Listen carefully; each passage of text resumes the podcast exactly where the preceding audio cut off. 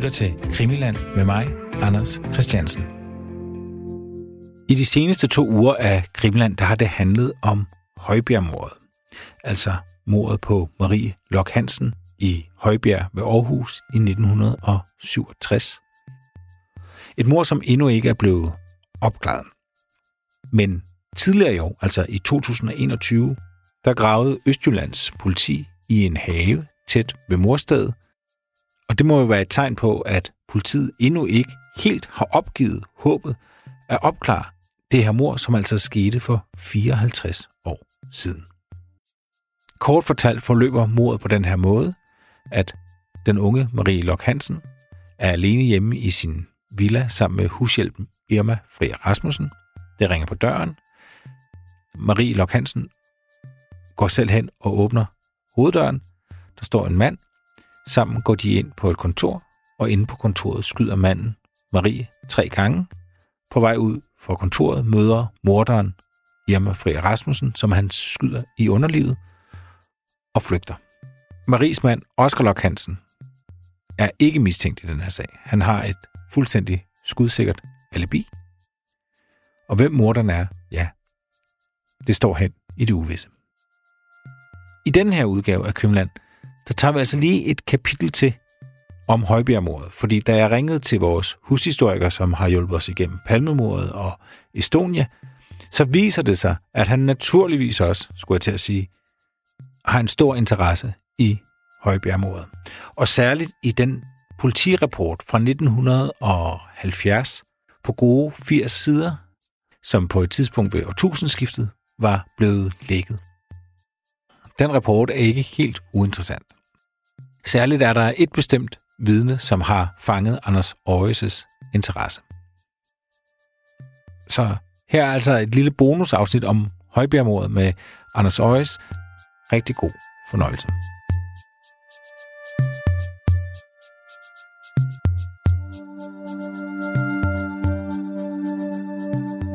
Det, jeg har gjort, udover at interessere mig for sagen, det er jo også, at øh, sagen, så vidt jeg ved nu, men på det tidspunkt, og det ligger et par år tilbage, der var dele af sagen afleveret til øh, Rigsarkivet, Statens Arkiver hed det dengang.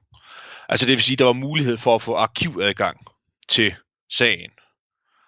Mm. Og øh, i forlængelse af den interesse, jeg har haft for den, har jeg forsøgt i første omgang at få adgang til hele sagen. Det blev så ikke bevilget mig på det tidspunkt, hvor jeg søgte, men jeg fik en delvis adgang til sagen. Og det, jeg fik adgang til, det var, at jeg fik adgang til politiets kartotekskort over de personer, der er blevet afhørt i forbindelse med sagen. Mm. Og se, så er der et andet interessant kildemæssigt forhold i forhold til Højbjergmordet, som gør sig gældende. Og som jeg godt kan afsløre, gør, har gjort sig gældende for stort set alle dem, der har beskæftiget sig med sagen og skrevet bøger om den øh, og interesseret sig for den. Det er, at øh, i marts 1970, det vil sige øh, knap to og et halvt år efter mordet, der øh, vil jeg i hvert fald våge at påstå, at der skete det, at øh, det der dengang hed Aarhus Politi, indstillede den almindelige, daglige efterforskning af Højbjergmordet. Og øh, da man gjorde det, så øh, var der en øh, kriminalbetjent ved øh, Aarhus Politi og en øh, kriminaloverbetjent fra Rigspolitiets rejsehold, der skrev sådan en længere sammenfattende rapport om hele sagen. Den er 83 sider lang, den rapport. Mm. Og øh, hvis vi sådan skal begynde med at karakterisere den, så er det jo ikke sådan en, der er udgivet og står på et folkebibliotek. Så det er ikke sådan en, man kan gå hen og bestille. Nej. Men der skete det med den rapport på et tidspunkt, for mit vedkommende, at den lå i min postkasse en dag. Mm. Hvor den så er kommet fra, det ved jeg ikke, men der var nok nogen, der synes, at jeg skulle have den. Mm. Og jeg har også en mm, begrundet idé om, at øh, der er øh, nogle af de andre, der har beskæftiget sig med sagen og udgivet bøger, der har haft adgang til den samme rapport. Ja. Så vi ved noget om, hvordan politiets efterforskning har taget sig ud i sin tid. Mm. Vi har en faktasamling at gå til. Ja. Og, og bare for at knytte det til de her kartotekskort. Ja, det er sådan en helt lille beretning i sig selv, fordi øh, det viste sig, det havde jeg ikke nogen formodning om inden, men det viste sig, da jeg fik adgang til de kartotekskort, hvis man skal forestille sig, hvordan de ser ud, så står der jo et navn på en person, og så står der nogle personoplysninger om personen. Til brug for, hvis politiet i sin tid har været i kontakt med den pågældende person. Men udover det, så står der også sådan nogle lidt kryptiske henvisninger. Nogle romertal, og så står der et løbenummer. Der kan for eksempel stå 5 med romertal, streg 136 på de her kartotekskort. Og noget af det, man så kan i første omgang, og noget, der, det der grundlæggende set karakteriserer den her rapport, vi taler om, det er, at politiet har ordnet alt efterforskningsmateriale ud fra en systematik, der knytter sig til nogle romertal. Mm. Og dem kan vi måske lige gennemgå nogen af. Hvis man slår op i rapporten, så kan man se, at sagens gruppe 1 med romertal vedrører anmeldelsen og de første dispositioner. Sagens gruppe 4 vedrører oplysninger om gerningsmanden. Sagens gruppe, skal vi tage 7, vedrører afhøringer i firmaer, der handler med kontorartikler og papir. Mm-hmm. Og så videre, og så videre, og så videre. Det, der måske også lige skal nævnes ved den gennemgang, det er, at man kan også se noget, som måske er ganske interessant, hvis man sådan i al almindelighed interesserer sig for politiarbejde, nok i hvert fald historisk. Det er det begreb, der hedder nulrapporter. Ja. Som ofte, ofte baserer sig på tip, politiet har modtaget fra offentligheden. I den her rapportterminologi her, der taler man om fiduser. Altså det er jo sådan, navnlig ved sådan nogle sager, der får stor medieopmærksomhed. Så er der mange, der ringer med oplysninger. Ja. For eksempel i Højbjerg tilfælde, om, om biler, og om personer, og om våben, og alt den slags ting. Ja. Og de er kategoriseret af de her nulrapporter her. Men nu skal vi komme til pointen i forhold til kartotekskortene. Og det er, at øh, store dele af den her rapport her, der har været tilgængelig, er anonymiseret. Altså der står de vidner og de personer, der har givet oplysninger politi til politiets efterforskning, står ikke i rapporten. Mm. Men man kan så for eksempel, i nogle tilfælde, så kan man se, at så er der et sagsgruppenummer og et rapportnummer. Og dem kunne man jo se på kartotekskortene. Og ved hjælp af det, der kan man så decifrere, altså afkode nogle af de oplysninger, der står i rapporten. Okay. Okay. Og det, det skal så i øvrigt, bare lige sådan for fuldstændighedens skyld, at, at no, det, det, kan man, det kan man bruge til øh, at bekræfte nogle af de oplysninger, der har været fremme, eller præcisere nogle af de oplysninger, der har været fremme. Altså, jeg, jeg skal bare understrege, og det, det, den begrænsning er vi også underlagt af, at der, er, der jo er nogle begrænsninger i forhold til, hvor meget man kan referere fra, fra den her arkivadgang her, fordi øh, man får adgang til materiale på, noget, på nogle vilkår. Ja. Så man kan naturligvis ikke, jeg kan naturligvis ikke, og det kan de øvrige, der har haft adgang til korten, man kan ikke, man kan ikke øh, lægge dem ud i sin, i, i sin helhed, altså mangfoldiggøre de tager kartotekskort og lægge dem ud på internettet. Nej, men man kan bruge dem til at indsamle, til indsamle viden, og til at få en større klarhed over, hvad den øh, rapport indeholder, hvem det er, der bliver henvist til i rapporten. Ja. Ja, så hvis man skal sige det meget sådan banalt, så er alle de her vidneudsagn, der er i rapporten, som jeg i øvrigt også har, de er jo anonyme, men via dine kartotekkort, så kan du ved nogle af tilfældene regne ud, regne ud, hvem det er, der taler her. Ja, så kan man se, hvem, hvem det er, der har været afhørt til mm. bestemte rapporter, og hvem det er, der har afgivet bestemte oplysninger. Ja. Og, og, og måske skal vi bare lige sige forlængelse af det, bare sådan til vores, til vores nysgerrige lyttere. Altså, øh, der er, jo ikke, der er ikke noget som helst kontroversielt i, at den her rapport her er ude. Altså, i sin tid, da, har man lavet, da man lavede den, har, har man nok ikke ønsket det naturligvis. Men, men altså, sådan er det den er, den er øh, røget ud. Jeg ved ikke, hvor den kommer fra. Jeg ved ikke, hvorfor jeg har fået den. Men, men øh, der var nogen, der syntes, jeg skulle have den. Øh, og det er vel det, man sådan i folkelige begreber kalder for en lækage, der er sket i sin tid. Ja. Der er nogen, der har fået den her rapport, og der er nogen, der har sørget for at sende den i cirkulation. Ja. Øhm, og sådan er det. Og sådan er det. Ja.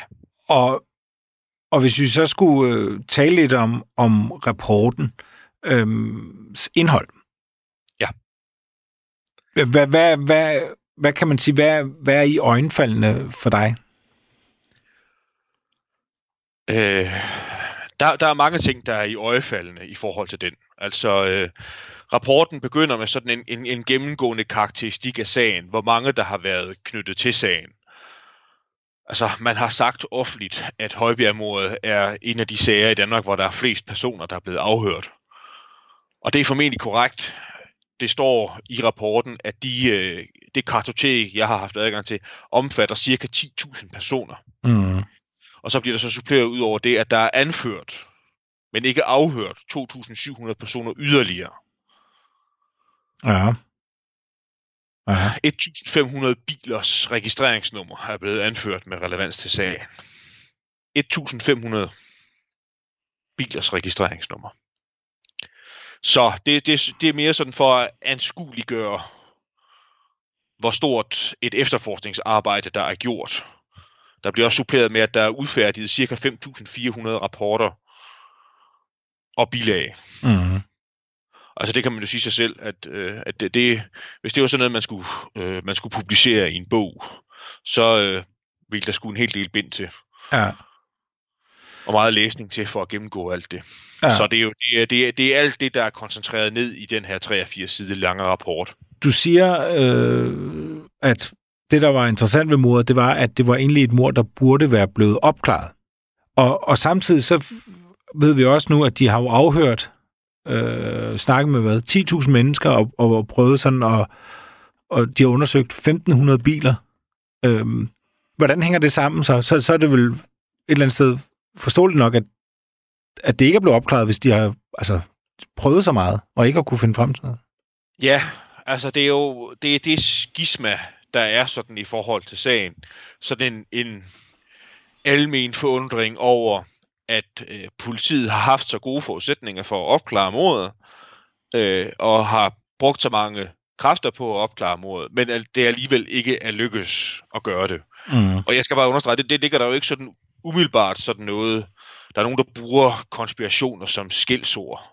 Nogen, altså en antydning af en konspiration, eller noget som helst i. Det, det er bare sådan en almindelig konstruktiv forundring Ja. til, hvorfor det ikke kunne lade sig gøre.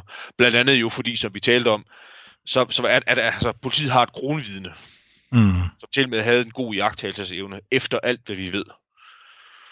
Noget af det, der også er indeholdt i den her øh, rapport, det er jo den fantomtegning, som politiet fik udarbejdet på baggrund af øh, kronvidnet Irma Fria Rasmussens jagttagelse af gerningsmanden. Altså den kvinde, der havde stået øh, ja, jo, i ansigt til ansigt med morderen og var blevet øh, altså beskudt, udsat for et drabsforsøg.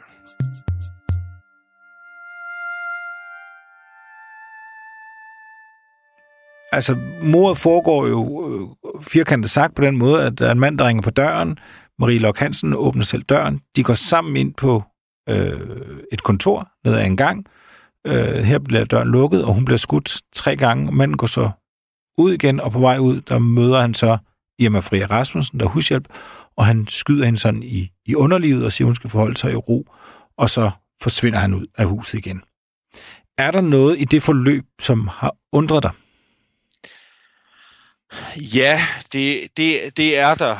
Øh, hvad hedder det? Jeg synes jo, øh, mange af overvejelserne, også forundringerne over mordet, altså begynder jo der ved hele den måde, altså hvor mordet sker, den måde det går til på, det de valg, vi i hvert fald kan konstatere, at, øh, at morderen træffer. Altså, øh, der er i hvert fald en del, der tyder på, at mordet skal ske på det tidspunkt, det nu sker. Altså, at der ikke har været mulighed for at lave sådan en detaljeret planlægning. Det skal ske den fredag formiddag, og det sker ved, at øh, morderen opsøger Marie Lokansen i hendes hjem og, og ringer på. Vi ved ikke, om han ved, at der er andre til stede eller ej. Men der er jo mange, der har sammenlignet mordet med en form for likvidering. Mm.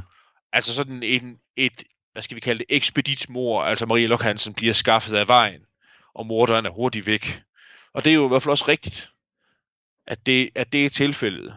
Men det er ikke en, en, om man så må sige, fuldgyldig likvidering. Det er det ikke min tolkning i hvert fald. Altså, fordi hvis det havde været det, så er det jo underligt, at morderen altså set fra morderens synspunkt, så straks Marie Lok Hansen åbner døren, kunne han have skudt hende. Mm. Det kan, være, det, det kan være, at han vælger at lade være med at gøre det, fordi der selvfølgelig er andre mennesker til stede den her fredag formiddag her. Der er, og det ved vi jo, der er den slagtermester, der bevæger sig i området, øh, har et ærne. Der er en havemand, der arbejder også i et hus tæt ved.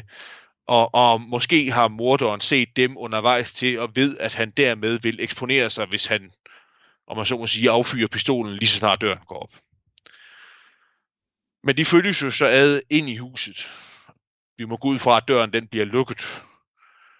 Og så træffer morderen så til gengæld ikke det valg, at han skyder Marie Lok Hansen i forstuen. Altså hallen der i villaen. Med det samme, han er kommet ind for døren. De går ind i det her lille kontor, der er i tilknytning til forstuen. Og der forekommer en, for, for, forekommer en kort kontakt mellem dem. Hvor skal ud fra, at der bliver sagt nogle ord. Irma Fri Rasmussen skal have sagt, at, at, øh, at der i hvert fald forekom en pause, og så skreg Marie Lok Hansen, og så blev der skudt. Mm. Øh, så der er noget, der tyder på, at øh, den, den mand, der, bliver, altså, der så bliver morderen, han, han skal i kontakt med Marie Lok Hansen og vise hende, måske vise hende noget, eller konfrontere hende med noget, før mordet sker. Det vil sige, at de endelige omstændigheder minder om en likvidering. Altså tre skud på, kol, på, på klodshold. Men så kun næsten. Fordi de skal ind i huset, til med ind på kontoret, og der skal mm. forekomme en kontakt, en kort kontakt, før mordet sker. Mm. Igen, hvis, hvis det havde været likvideringslignende omstændighederne, så straks da døren gik op, eller da han, morderen var kommet ind i hallen, burde han jo så have skudt, hvis det var det, der var opdraget. Eller hans ønske. Ja. Og så øh, på vej ud, der møder han jo øh, Emma Frier Rasmussen. Ja. Øhm, og de står jo ansigt til ansigt med hinanden. Ja, og der er det jo en, en besynderlig omstændighed. Vi har jo Emma Frier Rasmussens eget ord for det, det er, at altså, de står ansigt til ansigt. Morderen har egentlig grundlæggende set forudsætningerne for at dræbe hende på stedet. Altså likvidere det bedste vidne til, hvad der er sket, og et vidne, der øh, ved, hvordan han ser ud. Mm. Og så har vi Emma Frier Rasmussens eget ord for, at morderen sænker sådan armen, og så i stedet for skyder hende i underlivet. Mm. Så hun falder sammen. Det kan selvfølgelig godt være, skal det understreges, at morderen har antaget, at Emma Frier Rasmussen ville dø, som følge af de skud, han affyrer.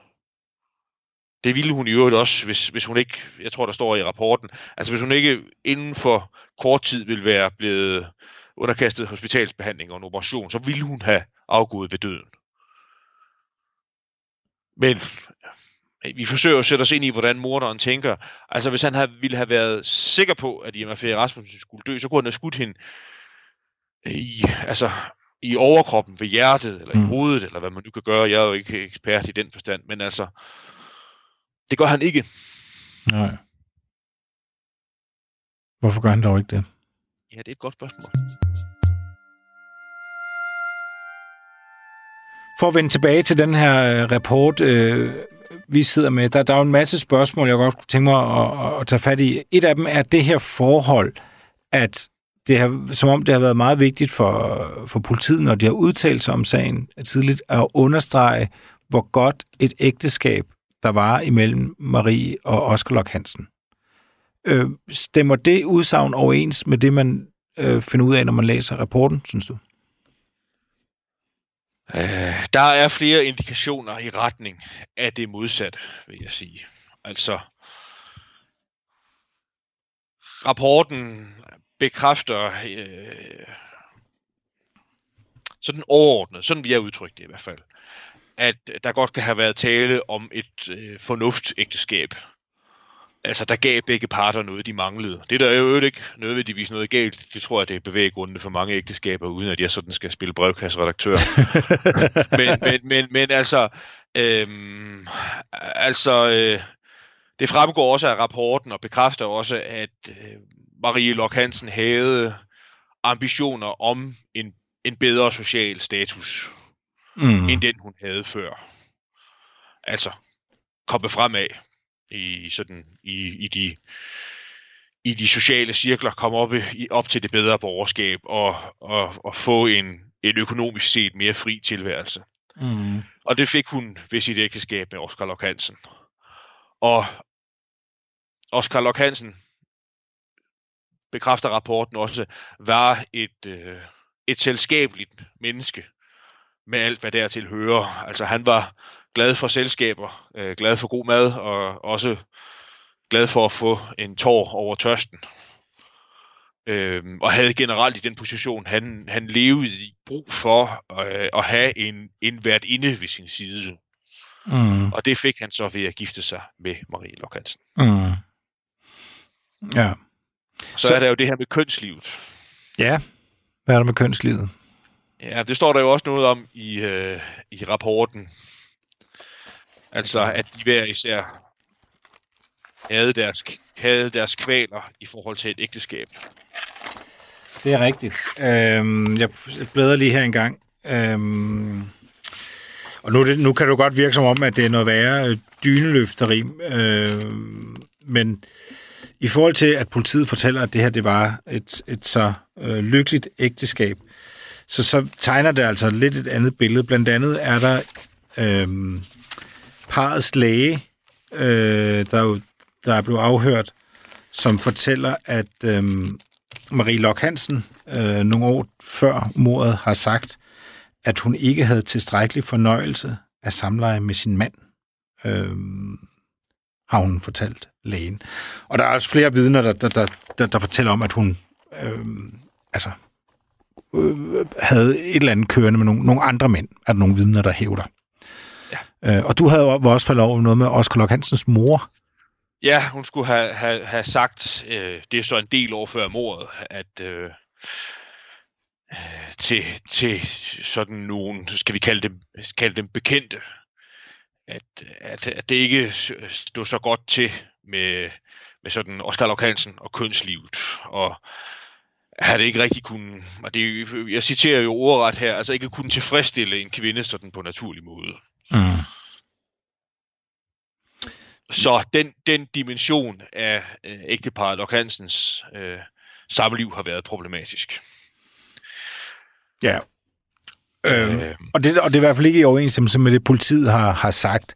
Og, og det, der jo også er, Anders, grund til, at man, man jo også interesserer sig lidt for det, det er jo, øh, der er jo rigtig mange, der har, og vi har også snakket om det tidligere, øh, har, har haft øje på den her ægteskabspagt, som jo er, øh, som er dels usædvanlig, altså forstået på den måde, at mange af dem, der har, har set den, der har forstand på den slags, siger, at den er meget fordelagtig for Marie Lok Hansen øh, den her ægteskabspagt. Og så ligger den jo ved mortidspunktet underskrevet, men er ikke endnu tinglyst. Og der er jo klart, der er mange, der har kunne se den som, har, er det en brik i, i, det her, øh, i den her morgåde? Øh, spiller, spiller den en rolle?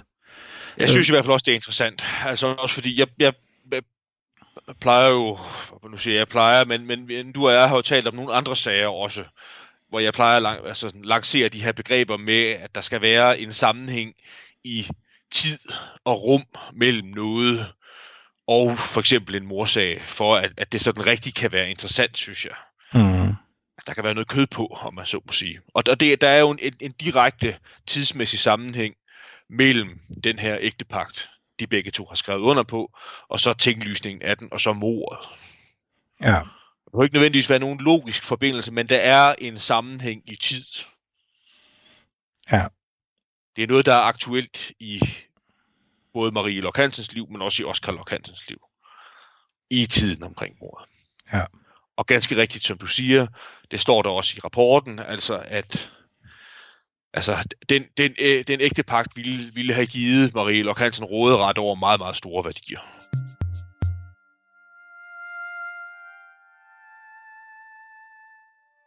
Altså, jeg tror sådan nogenlunde, vi kan, vi kan stedfæste, øh, eller tidsfastsætte er nok mere korrekt, det tidspunkt, hvornår rapporten kom i omløb til på et eller andet tidspunkt først i nullerne. Mm. Hvor længe før jeg selv fik den. Men der er jo en enkel vidneoplysning i rapporten, som var helt ny på det tidspunkt. Og helt ukendt. Ja. Og som så senere har også har fundet vej til litteraturen, men også nogle af de øh, TV2 Østjylland, Østjylland lavede, så vidt jeg husker, i forbindelse med 40-årsdagen for mordet, sådan nogle dokumentarudsendelser. Og der tror det det her nye vidne, lad os bare kalde ham det, eller hidtil ukendte vidne, frem for offentligheden for første gang. Og det er jo også sådan en helt lille interessant fortælling fra sagen, som ikke var så kendt før, og som stadigvæk er meget gådefuld. Mm. Skal vi kaste os over den? Det synes jeg. Det kommer frem, at øh, en omkring mordet, sådan en, en skoleelev, en dreng i det, vi i dag vil kalde teenagealderen, som bor i området ved Hestehavevej, altså der, hvor mordet sker, og som var sådan, hvor vi går ud fra, venskabeligt bekendt med Marie Lok Hansen. Altså, de boede i samme kvarter, og han var, var sådan en rask dreng, som jo gætte på, at han har øh, øh, øh leget på gaden og leget i det store skovområde, der er bag villaen, og måske er til mødt Marie Lok Hansen, mens hun gik tur, eller hilst på hende på gaden, eller hvad han nu har. Men altså, han vidste, hvem Marie Lok Hansen var, og hvordan hun så ud. Og han gjorde nogle interessante jagttagelser. Øhm, den første er den, at han fortæller nogle tid efter mordet, så fortæller han, at han i øh, oktober 67, altså måneden før mordet, øh, leger i, øh, i øh, hvad hedder det, han har sådan, han er en rigtig restdreng, må man gå ud fra. Så han har en hule i den skov, der er øh, nær den villa, hvor Maria Lok Hansen bor. Hvor han, hvor han øh, hvad hedder det, leger. Og der, fra den hule, så kan han se på, ned på den, der er sådan en, en sti, som beboerne bruger i, øh, i det her skovområde her til at, at gå tur eller lufte hund, eller, eller hvad de nu gør. Og da han op, op, opholder sig i den hule, hvor hun kommer gående, så øh, ser han bag Marie Lok Hansen, så ser han en mand, som han kan give et signalement af. Mm-hmm. Der, der, der går bag Marie Lok Hansen. Og der på et tidspunkt, så kan, så kan han se, at øh, Marie Lok Hansen ser sig tilbage. Og lige i det splitsekund, hvor Marie Lok Hansen ser sig tilbage, så træder den her mand her væk fra stien og gemmer sig bag et træ. Den pågældende dag er jeg alene i skoven, og øh, jeg er oppe ved vores hule, og øh, der kommer fru Lok Hansen så gående med sin hund. Og øh, intet, intet mærkeligt i det, udover at jeg på et tidspunkt øh, opdager, at der går en mand i en gul regnfrak noget derfra. Mm-hmm. Altså det vil sige, Marie Lok Hansen, må, må vi sådan tolke de oplysninger, skoleeleven kan give, bliver forfulgt, eller der er en mand, der følger efter hende, holder hende under observation, men ikke vil genkendes. Det er så den første jagttagelse, som den her skoleelev gør. Og så som nævnt, så kan han give sådan et signalement, som så står sammenfattet i rapporten, som, når vi ser det allerede nu, kan pege sådan lidt i retning af, at der kan være en vis øh, overensstemmelse med morderen. Altså, det signalement, der bliver givet af den mand, der myrder Brie Lok Hansen en måned efter. Det er nogenlunde samme aldersgruppe, det er samme højde, samme drøjde, samme hårfarve, ikke samme påklædning dog, mm. med den lejlighed. Så sker der det, at mordet sker som nævnt i november øh, 67, Øhm, og øh, man, kan ikke, man kan i første omgang kan man ikke identificere den her mand, som skoleeleven har set. Men så sker der det i januar 69, det vil sige lidt over et år efter, at mordet er sket. Så melder den her øh, dreng, den her skoleelev sig igen og siger, at den mand, han så følge efter Marie Lok Hansen i skoven, har han set igen. Og han har set ham under de omstændigheder, at, øh, at han først jagter en bil holde øh, ude på Hestehavevej. Altså den, den, øh, det, den gade, det område, hvor, øh, hvor villaen ligger, så, så holder der en bil, der holder sådan parkeret på lidt, øh, lidt, lidt underlig vis. Altså den sådan spærer for indkørslen til den her lille stikvej til Hesthavevej, hvor villaen ligger.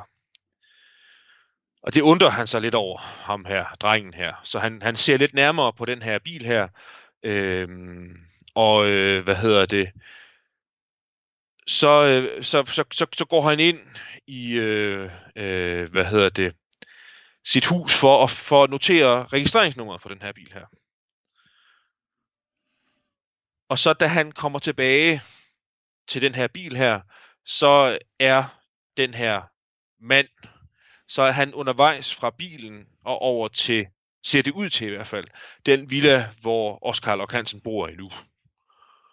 Og, og da den her mand her så får øje øh, på, øh, på, på den her dreng, den her skoleelev her, så vender manden om og går, i stedet for at gå over mod villaen, så går han over til sin bil. Mm-hmm. Og den her mand her kan så, må vi gå ud fra, sådan som situationen er beskrevet, regne ud, at den her dreng her, han er interesseret i hans bil. Og han har jo også sådan papir og blyant i hånden, så, så øh, muligvis så kan det være registreringsnummeret, drengen her har været interesseret i. Så, så manden stiller sig sådan foran den bageste nummerplade for at blokere for udsynet til den. Og så, øh, hvad hedder det, forsøger den her dreng, her, den her, den her skoleelev, han forsøger, han går så lidt længere op ad vejen for at se, om han kan komme til at notere den forreste nummerplade i stedet for. Mm-hmm. Og så sker der det, da han begynder at bevæge sig, så begynder manden også at bevæge sig. Så han går rundt om bilen, og så stiller han sig foran den forreste nummerplade. Igen for at forhindre, at øh, nummerpladen den kunne blive aflæst. Og så sker der jo det, at den her dreng her, der er jo ikke, har jo ikke sådan en stor dreng, øh, en, en, en dreng i teenagealderen, tænker, nu må jeg nok hellere trække mig fra den her situation her. Han skal ikke, der skal ikke opstå en konfrontation med han, så han, går, han, han bor ikke så langt derfra, så han går hjem mm. i stedet for. Mm-hmm. Jo så med uforrettet sag. Men man kan så give en interessant beskrivelse af to ting. Ja. Dels så kan han selvfølgelig give et signalement af den mand, han har set. Øh, et, et, et, mere detaljeret signalement end det, han har kunne give. Først og fremmest så, så er han sikker på, at det er den samme mand, som forfulgte Marie Lok Hansen. Det er den samme mand, han ser igen. Han er sikker på, at de to mænd er de samme, og han kan så udbygge signalementet til, at øh, han har igen nogle karakteristika, som er så påfaldende lige det signalement, der er givet af gerningsmanden, at jeg tror også de involverede dengang har måttet stanse op og overveje, at, at altså, det her det er vigtigt, fordi at øh, han har han, han kan fortælle, at at manden har øh, har sådan han har briller, der minder om beskrivelsen af gerningsmanden. Mm-hmm. Han har sådan en, øh, på engelsk kalder man det five o'clock shadow, ikke? Men sådan en skæg, skygge efter skægstube på hagen. Mm-hmm. Noget, der også går igen i signalement af gerningsmanden. Og så har han sådan en, en, en mørk, lidt lang frakke på. Og så, så er der frem for alt det med den her dreng, den her skoleelev her, at han er god til noget, der med en lille privat bemærkning går mig lige til hjertet. Fordi han er rigtig god til biler. Ja. Så han kan give en meget, meget grundig karakteristik af den her bil, han har forsøgt at få registreringsnummeret på. Det for, fortjener næsten sådan at blive... Skal, eller på det nærmeste skal jeg læse det op, hvad der står i rapporten, Anders. Ja, det synes jeg, du skal. Godt. Fordi så, så står der, personmotorvogn AM nærmere spørgsmålstegn. Og det er jo så selvfølgelig registreringsnummeret, hvor drengen mener, at, øh, at, at nummerpladen måtte have begyndt med AM. Og se, så står der Opel Rekord 1900L, årgang 67 eller 68, hvid, på bagruden i højre side påklæbet DK, altså DK-skilt, med bynavnet Aarhus. Højtaler gitter under bagruden, forsynet med rally-navkapsler. Navkapsler, det er vel sådan en slags gammeldags udtryk for fælge, altså mm. bilens fælge. Og så et sidespejl på venstre forskærm. Det sidespejlet flerledet radioantenne med sort gummikrans ved roden. På bagerste kofanger et mærke cirka 2 gange 8 cm, og så var bilen forsynet med sort napha-indtræk. Skarp jagttagelsesevne, må man sige. Ja, der, der, der er der mange detaljer her, der er at gå efter. Ja. Så øh, hvornår finder de bilen? Ja, den finder de så ikke. Den finder de ikke? Den kan man ikke finde. Det er jo sådan et, et, et mindre mysterium. Jeg synes, vi godt kan tage med sådan til vores bedømmelse af, af sagen. Men den kan man ikke finde, den her Opel-rekord her. Mm. Man har gjort det, at man har øh, forsøgt at fremskaffe lister over øh, biler af den type i Aarhus. Og dem, dem, man har fremskaffet lister af, er, som det står i rapporten, de er blevet besigtiget. Men man har ikke fundet den, og så har man rekvireret ved Opel, blev importeret af General Motors på det tidspunkt her, altså en stor amerikanske bilkoncern, og dem har man skrevet til København og bedt en, en fortegnelse over, hvorfor nogen, var for nogle af dem, der er solgt i, i hele Danmark.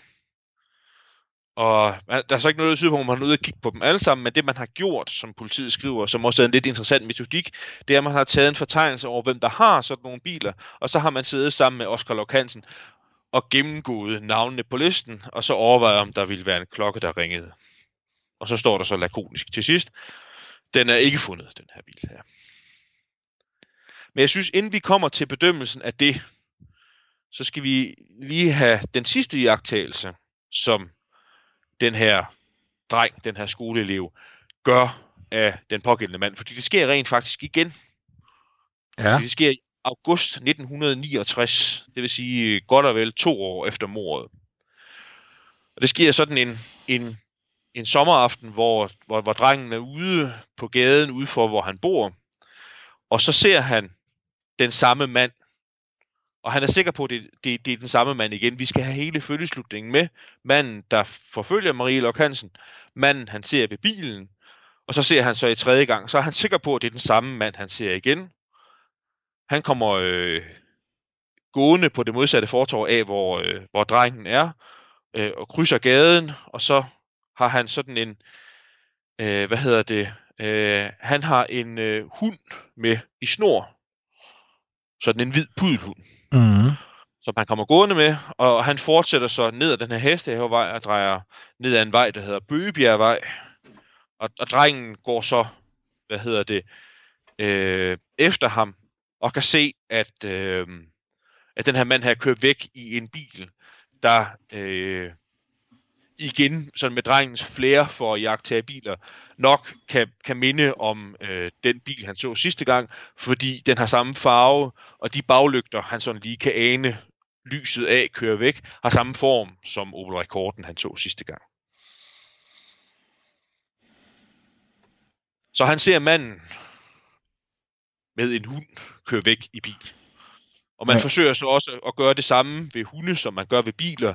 Altså få for fortegnelser fremover, hvem, hvem der har hunde af, af den type, og hvor de er solgt henne, uden resultat. Ja. Så, så det lykkes hverken at finde hund, bil eller mand? Ganske rigtigt. Som der står lakonisk i rapporten, at altså hverken mand eller hund eller bil er identificeret. Lad os vurdere drengen, den unge mand, som, som et troværdigt vidne. Øhm, det går ud og det fra, tyder, du... alt, tyder alt i øvrigt på, at han var. Mm skal det siges. Det var ikke sådan en, en fabulerende dreng. Kan man sige noget om, hvorvidt burde de egentlig have kunne finde frem til, til bil eller mand, eller hund for den sags skyld? Altså, jeg, jeg vil jo i hvert fald anføre et sådan øh, et kritikpunkt, hvad bilen angår. Og det er jo fordi, vi har et ret klart vidnesbyrd om, at der er en anden bil i sagen, som politiet har nogle delvise oplysninger om som det så til sidst lykkes for dem at identificere. Og det er jo den historie, som også kort blev berørt i de gode afsnit med Jørgen Skovsted og Dines Boø. Det var den her mand, der følte trang til at smuskaste, enten smuskaste sin kollega, eller forstyrre efterforskningen, eller begge dele, ved at give sådan nogle vævende oplysninger om et bestemt type bil, med øh, et bestemt cifre, nogle bestemte cifre på nummerpladen. Mm. Og der viste det sig jo, at politiet på, bag, på grundlag af det tip og de faktuelle oplysninger, lykkedes det at komme frem til et punktum og finde mand og bil. Ja. Men i det her tilfælde her, der har man så også haft nogle spor at finde frem til bilen ud fra, der har mindet om det. Altså fordi øh, man har i hvert fald haft registreringsnummeret, og selv hvis det ikke skulle være det rigtige, så har man haft en meget, meget grundig beskrivelse af, hvordan bilen så ud. Mm. Og på den baggrund er det ikke lykkedes at finde bilen og dermed manden. Mm. Altså jeg tror, der er nogle begrænsninger, vi nok ikke helt kan forestille os i dag. Der kan det være, at vi har nogle opvagte lyttere, der kan hjælpe os. Men altså, for, man havde i hvert fald ikke sådan, man kunne ikke slå op i det centrale motorregister på det tidspunkt på en computerskærm. Mm. Jeg er ret sikker på, at der har været et centralt motorregister, men jeg ved det ikke. Det kan være, at der er nogen, der kan grave lidt mere i det. Men hvis, hvis der har været et centralt motorregister, så har det jo formentlig også været, altså så har der enten været kartotekskort, eller hulkort, eller hvad det nu har været, det ved jeg ikke. Men man har i hvert fald haft forudsætningerne for at forsøge at finde sådan en bil. Og om ikke andet, så har man jo også gjort det andet rigtigt, det er, at man har henvendt sig til importøren og spurgt efter solgte biler af den type. Mm. Men det, var, det skal lige siges, at at en Opel Rekord var en folkebil dengang. Det var der mange af. Ja.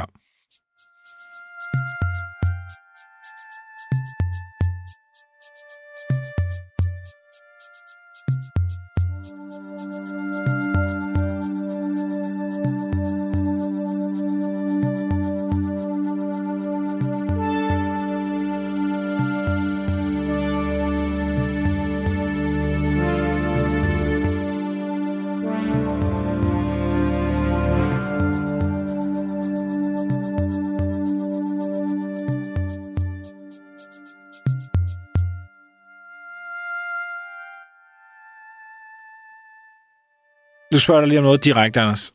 Ja. Når du læser og beskæftiger dig med den her sag, er der noget, synes du, der tyder på, at der at politiet ikke har ønsket at komme rigtigt til bunds i det?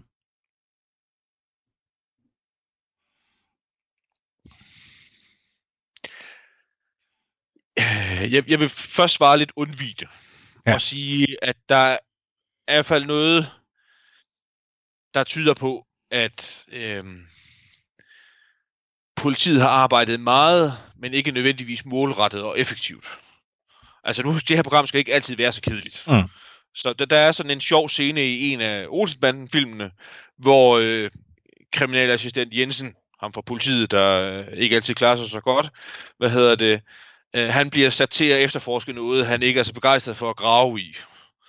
Og så siger han sådan til sin assistent, Holm hedder han vist, at, øh, at chefen skal bare have rapporter.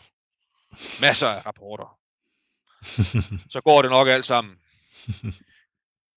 øh, og den tanke har også strejfet mig, synes jeg, når, man, når jeg bliver konfronteret med det, jeg ved om Højbjergmordet, og ja, det, jeg ved om politiets efterforskning. Det er, at der er noget, der tyder på, at, altså, at der er visse ting, man ikke har ville gå alt for nær. Mm. Visse persontyper, man ikke har ville gå alt for nær i omgangskredsen, og sådan i Aarhus sociale lag, vil jeg også sige. Og så er der det her helt elementære forhold, at, at vi har de her jagttagelser, som den her dreng, den her skoleliv, gør sig, som ikke fører til noget. Ja. Og så er der jo også nogle andre jagttagelser. Tror, det var Jørgen Skovsted, der refererede de her oplysninger om, at Irma Fria Rasmussen skulle have set øh, morderen, tror jeg, i magasin i Aarhus. Mm. Det har ikke fundet vej til rapporten. Det kan skyldes, at det er fordi, det sker efter marts 1970. Det ved jeg ikke. Men der er jo et andet vidne, den her kørelærer, der er undervejs i sin bil i området på det tidspunkt, hvor mordet sker, og ser en mand, der igen kan have sådan sin eller lighed med det, vi ved om gerningsmanden. Og hun ser jo faktisk ved, mener også ved to tilfælde, og har set den samme mand igen. Dagen, dagen efter mordet ved et busstopsted i Aarhus. Og nogen tid efter mordet i en taxa, hvor hun faktisk forfølger ham, og manden går ud af taxaen og går ind i en opgang i Aarhus, en etageejendom. Mm. Og der er vi, når vi frem til det samme igen, at, at, at, at den, de agtagelser, kørelæreren har gjort sig, fører ikke til noget. Afslutningsvis synes jeg også, det er værd at nævne, den oplysning kom også frem, at der jo var folketingsvalg kort tid efter mordet, først i 1968, Mm. hvor det man gjorde fra politiets side, det var også, at man udstyrede personer ved valgstederne med øh, den her fantomtegning her. Man går ud fra, at det har været polititjenestemænd, Mm. der så diskret har siddet og holdt øje med, hvem der ind- indfandt sig for at stemme.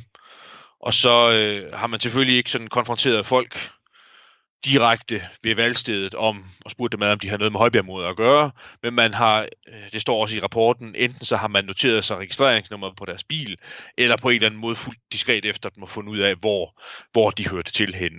Mm. Og det fremgår også af rapporten, øh, og det er så sådan et, et, et kvantitativt argument, der fremgår det, at, at det er, tror jeg, en 20-25 stykker, man kigger nærmere på. Og jeg har så, man kan så kvalificere rapporten yderligere og sige, at så vidt jeg husker, to af dem, man øh, efterforsker, kontakter man også den om, omtalte kørelærer og afhører hende om. Ja. Og hvor skal det her lede hen? Det skal lede i retning af, at der er en helt, der tyder på, at politiet ikke har været på helt så bare bund, som man har foregivet at være. Mm. Det kan selvfølgelig også være en vis strategi i. Ja. Men, men pol- politiet har haft en del oplysninger og efterforskud fra, der ikke er ført til noget. Og, og jeg synes, det, det er værd at understrege, at, at det behøver ikke nødvendigvis at være sådan, så at det politiet har efterforskud skulle føre til, at man fandt morderen. Men det er mere tankevækkende, at man aldrig kan finde manden bag nogen af de jagttagelser. Man Mm. finder ikke den mand, drengen, skoleeleven, ser og får afkræftet, at han har noget med mordet at gøre. Man finder ikke de her par jagttagelser, som kørelæreren gør. Man finder ikke den mand, hun har set og får afkræftet, at, hun har, at altså den mand, hun har set, at det ikke er morderen.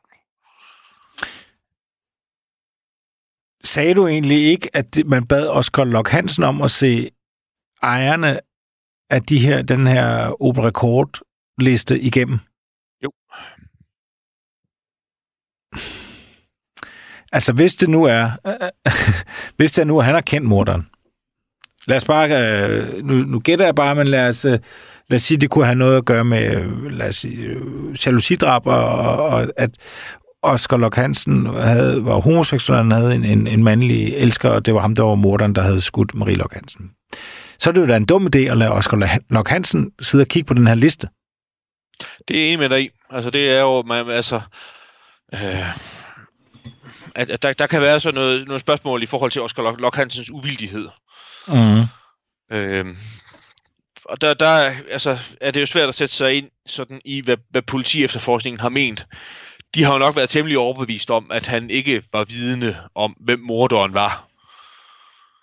Øhm, men, men vi har i hvert fald nogle indikationer i retning af, at der kan være det modsatte. Jørgen Skovsted refererede den oplysning, der kom frem i øvrigt mange, mange år efter mordet, at, at en kvinde, som, som var i Oscar Lok Hansens bekendtskabskreds, ved en sammenkomst, skulle have, øh, altså skulle have Oscar Lok Hansen have sagt, at han vidste, Ja.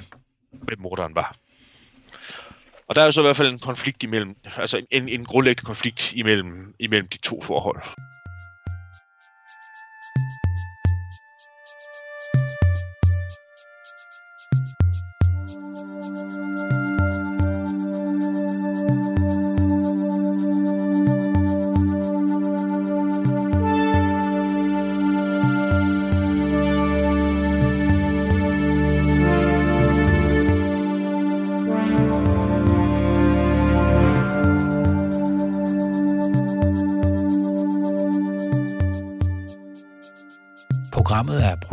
Af Wingman Media for Radio 4.